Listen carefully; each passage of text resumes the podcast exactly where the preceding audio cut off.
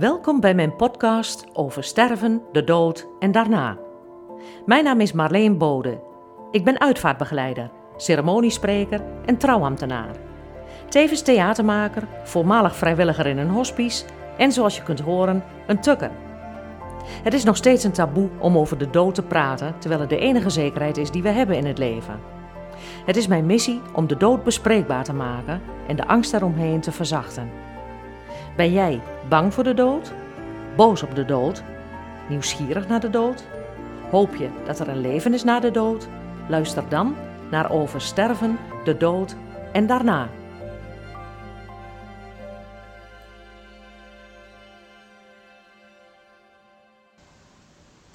Hallo, daar zijn we weer. Fijn dat je luistert naar uh, weer een nieuwe aflevering van mijn podcast over sterven, de dood en daarna. Nou, ik ben eigenlijk uh, niet van plan om het heel erg over sterven te gaan hebben. Alhoewel het natuurlijk wel een soort inleiding uh, behoeft. Ik wil het juist heel graag hebben over het leven. En ook het leven hierna. Want eigenlijk houdt het leven gewoon niet op bij de fysieke dood. Vorige week was het uh, Allerheiligen en Allerzielen. 1 november en 2 november. Nou ja, daar gaat natuurlijk de nacht van uh, Halloween aan vooraf. All Hallows Eve. En uh, de sluiers zijn dan het dunst, zeggen ze wel eens. In die dagen rondom 31 oktober. Het begin van het Keltisch nieuwjaar op 1 november. Samhain, zoals je het schrijft. Saun. Een bijzondere tijd. Ook omdat het licht van de zomer dooft en mensen uh, de neiging krijgen om wat meer naar binnen te keren.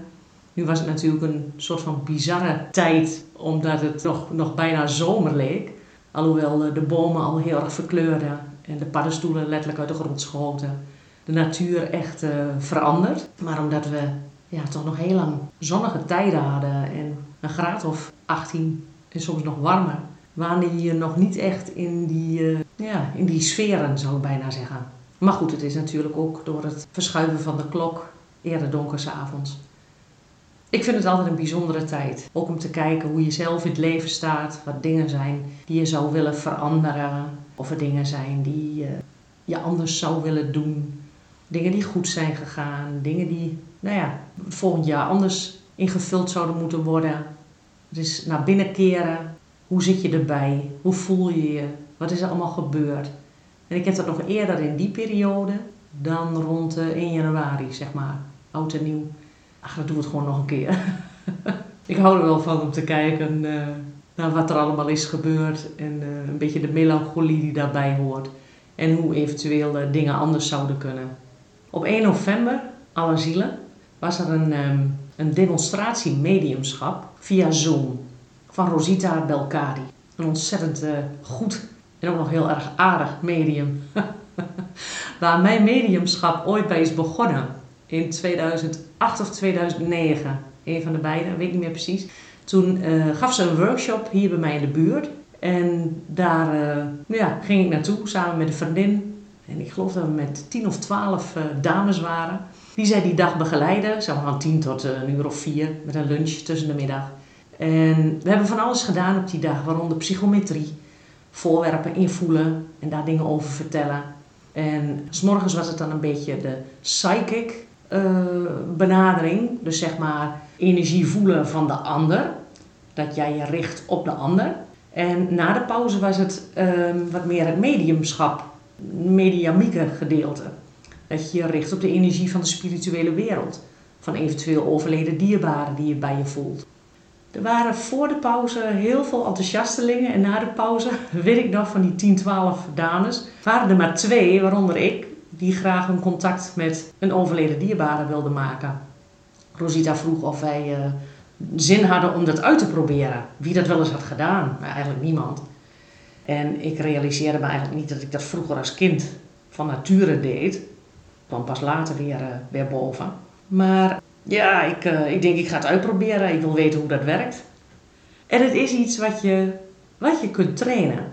Het is niet zo, ja goed, je hebt mensen die werken als medium. En, uh, maar iedereen heeft een zesde zintuig.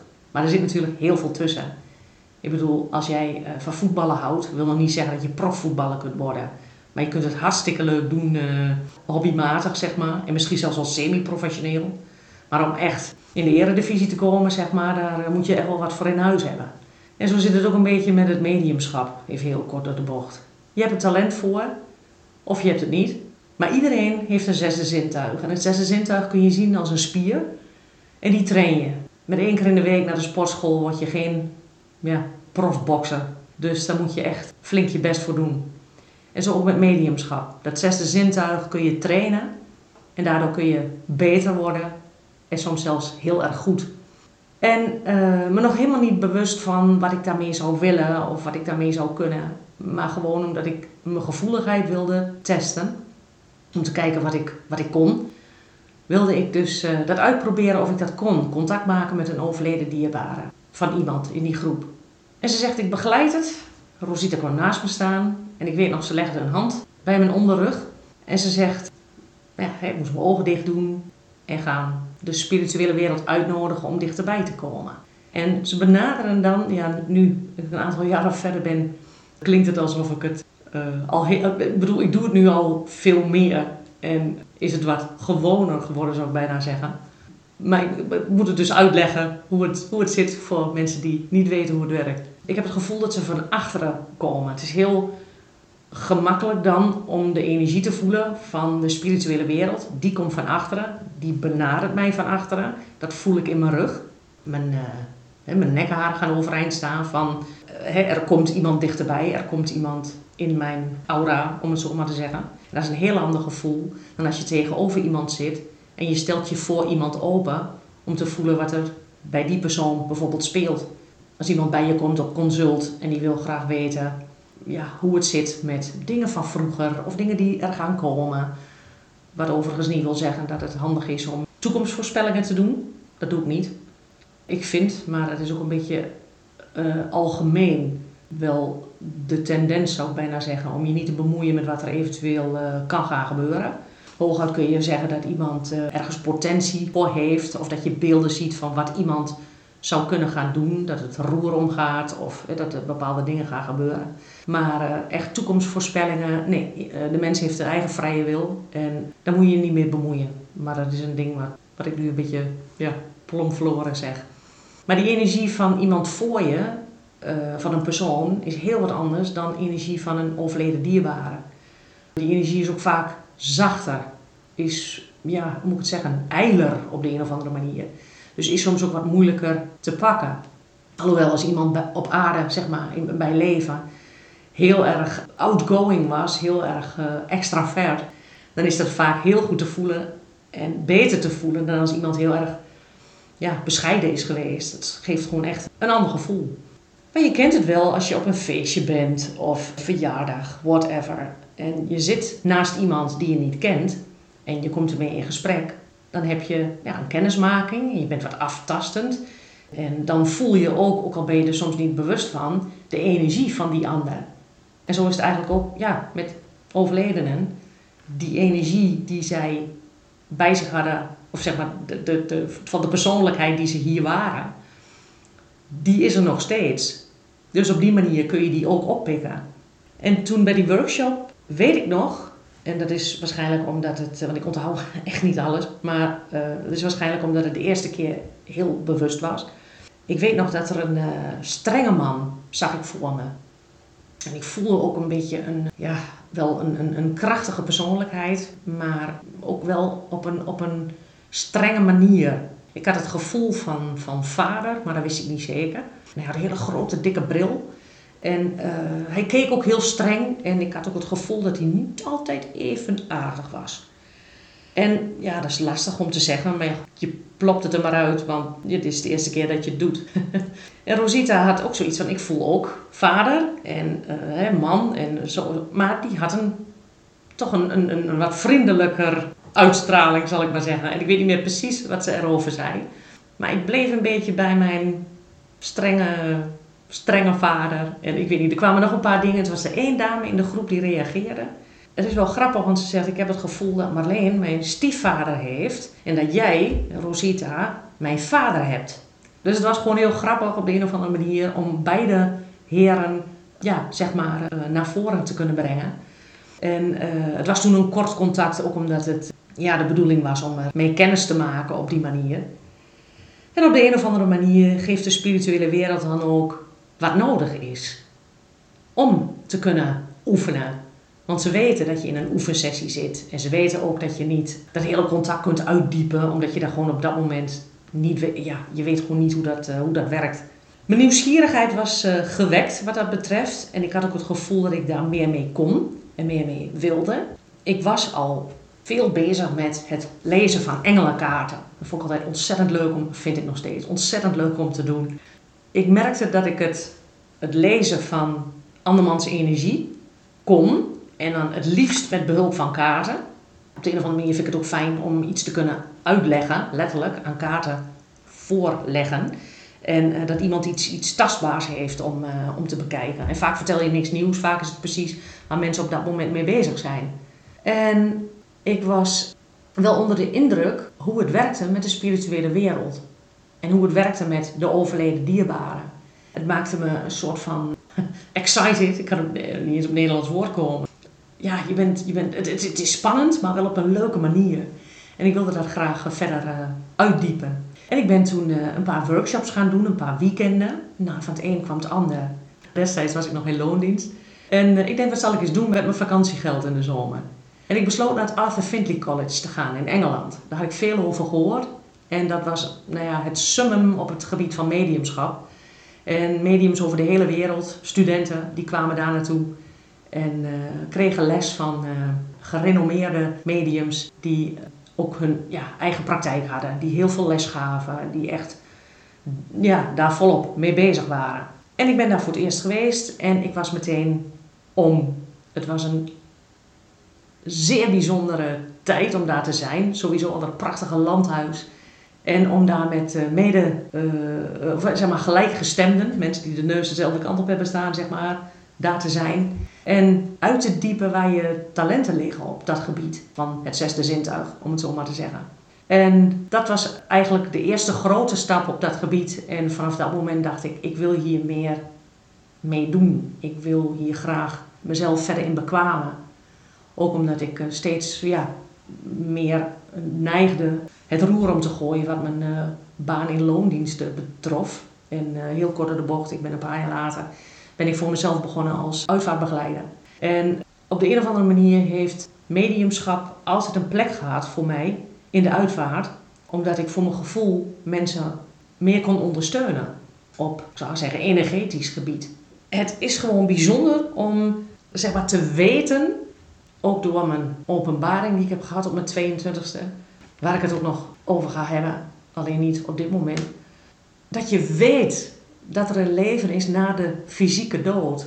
En dat je troost kunt brengen op een bepaalde manier bij mensen die net een dierbare zijn verloren en niet weten hoe ze daar nou ja, mee om moeten gaan. Of eh, die, die nog niet weten.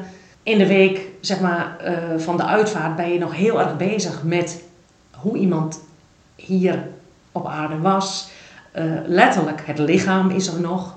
Dat ligt opgebaard thuis of in een aula en dan is iemand fysiek nog aanwezig, ook al is hij overleden. Maar na de uitvaart, als iemand echt hier niet meer fysiek aanwezig is, dan komt het toch vaak voor dat mensen in een gat vallen. Niet weten hoe ze verder moeten met het verlies van die persoon in hun leven. En om dan verder te gaan zonder die persoon, hoe dat moet. Ja, we krijgen daar geen gebruiksaanwijzing voor mee.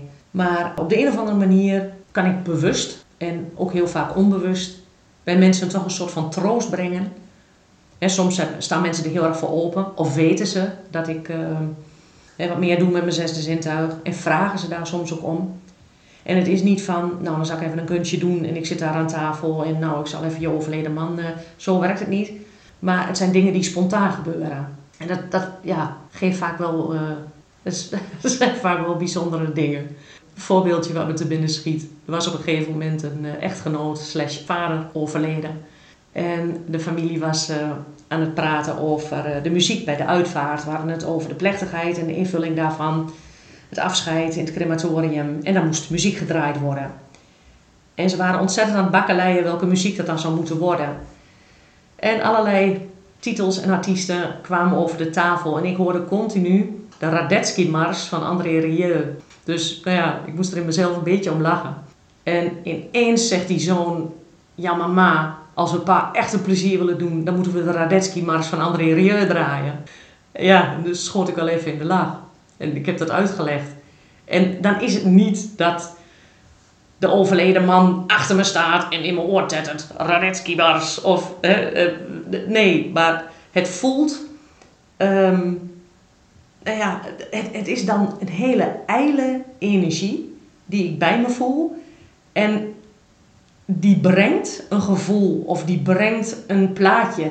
Hè, een, een, een, een stilstaand beeld of soms bewegend. Wat mij dan nou ja, aanzet tot iets horen of zien of nou ja, wat die overleden dierbare me wil doorgeven. En wat wel mooi is, ik geloof heel erg in zeg maar, dat de mensen op mijn pad komen die daarvoor openstaan. Dat families op mijn pad komen waar ik dat kan brengen of mag brengen.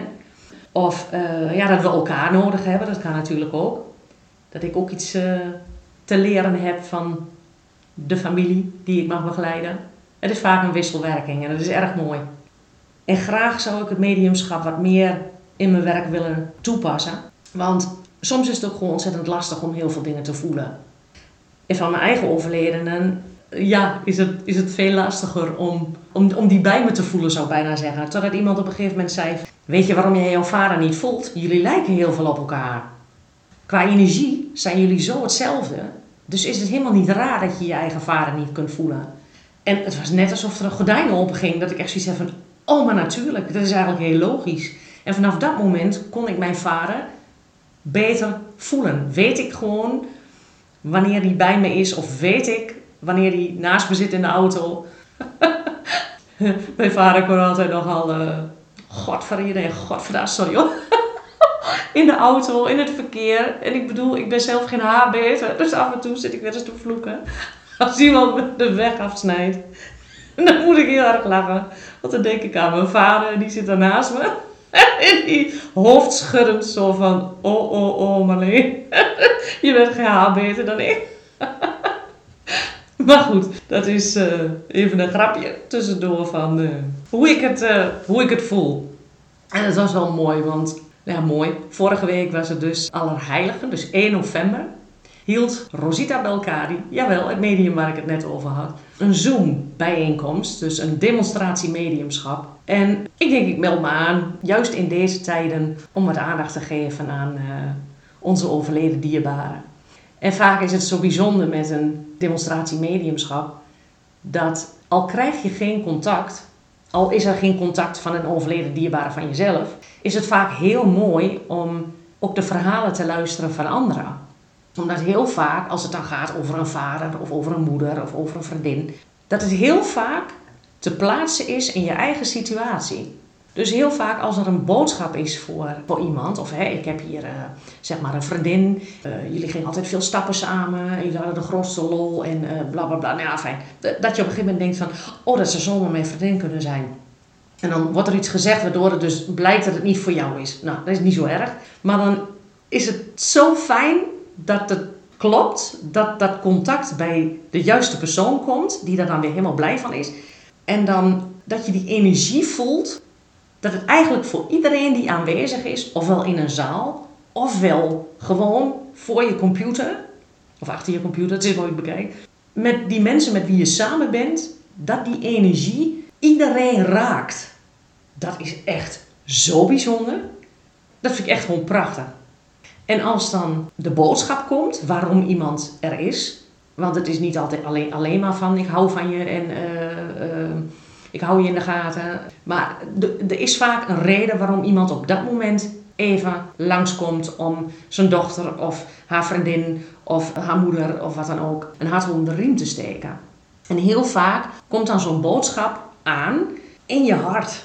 Omdat hij eigenlijk voor, voor iedereen is. Of omdat hij eigenlijk ook iets bij jou raakt. En dat kan op een heel ander vlak zijn.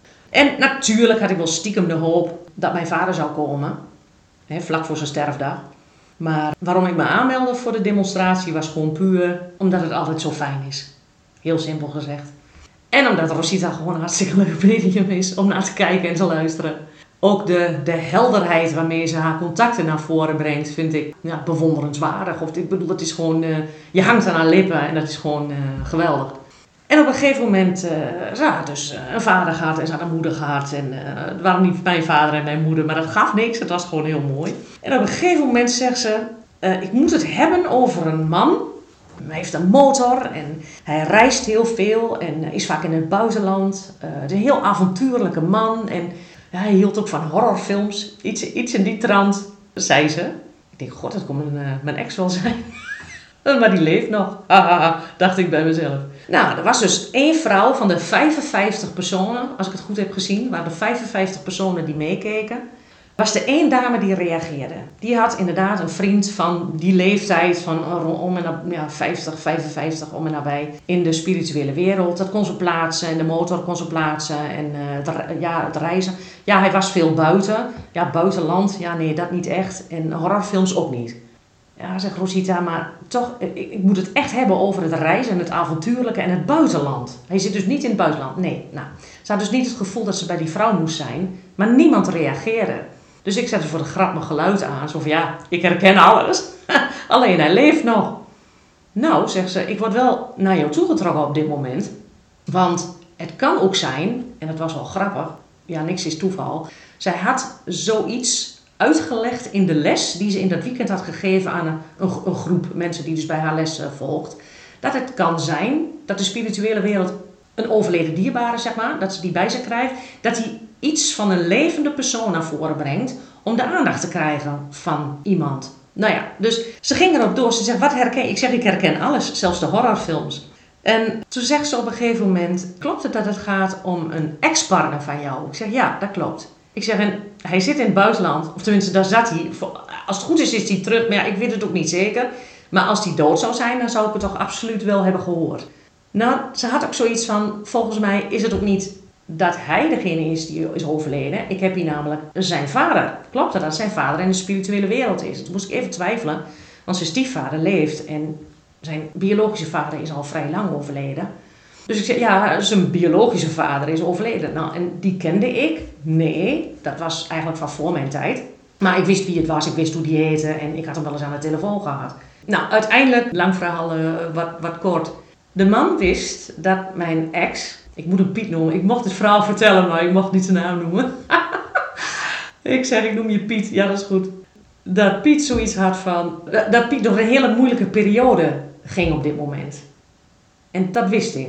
En ik wist nog niet precies in hoeverre. Maar dat was nou ja, aan mij om dat uit te zoeken natuurlijk. Ik moest hem gewoon bellen.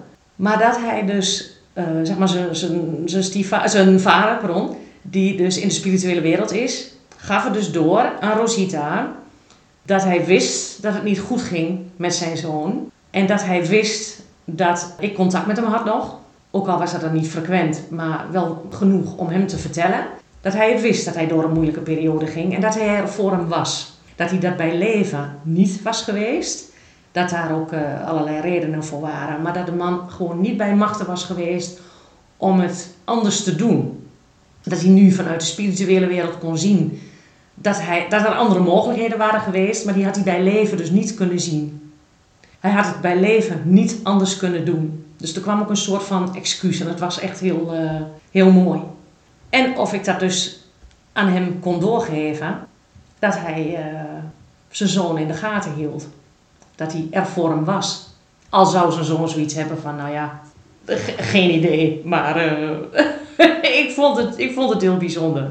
Maar goed, ik had die week een aantal dingen te doen. Ik denk, ik moet het niet in vijf minuten aan de telefoon gaan doen. In het weekend had ik een training waar ik al vroeg voor, uh, voor wegging. Dus ik was een paar dagen niet te bereiken. Ik denk, ik doe het begin volgende week.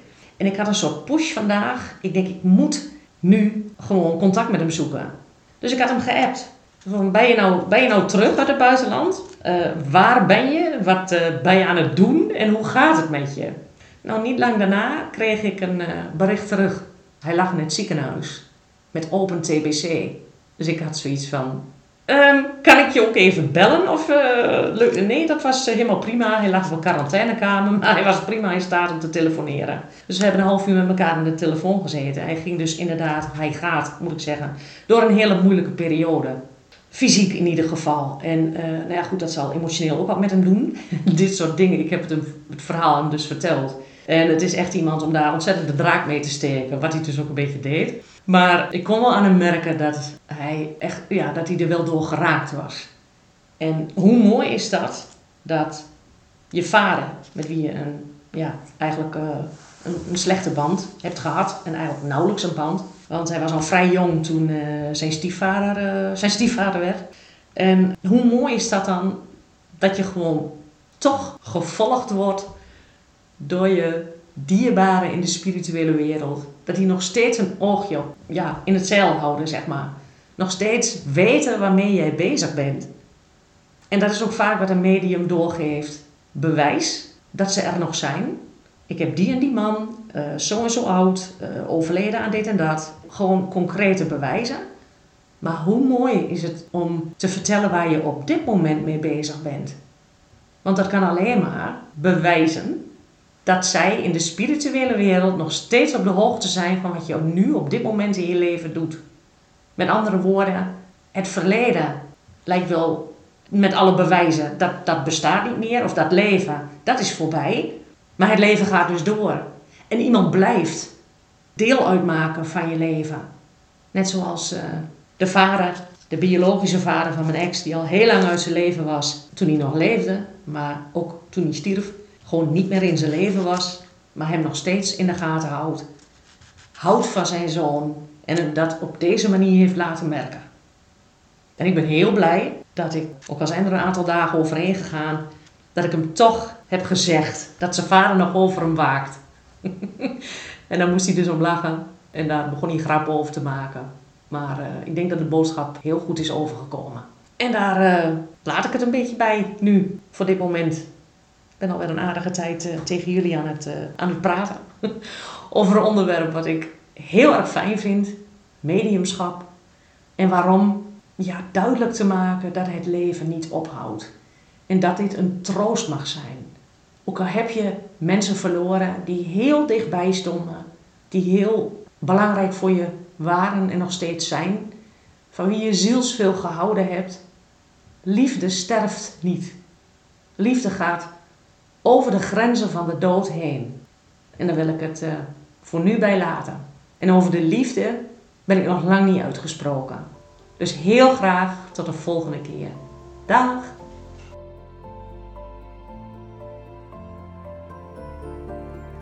Dit was het voor vandaag. Het is mijn missie om de dood bespreekbaar te maken en de angst eromheen te verzachten. Als je het leuk vindt, like dan deze podcast, laat een review achter of abonneer je erop. Of deel de link op je eigen social media. Zo kan ik meer mensen bereiken die wellicht steun aan mijn verhalen hebben.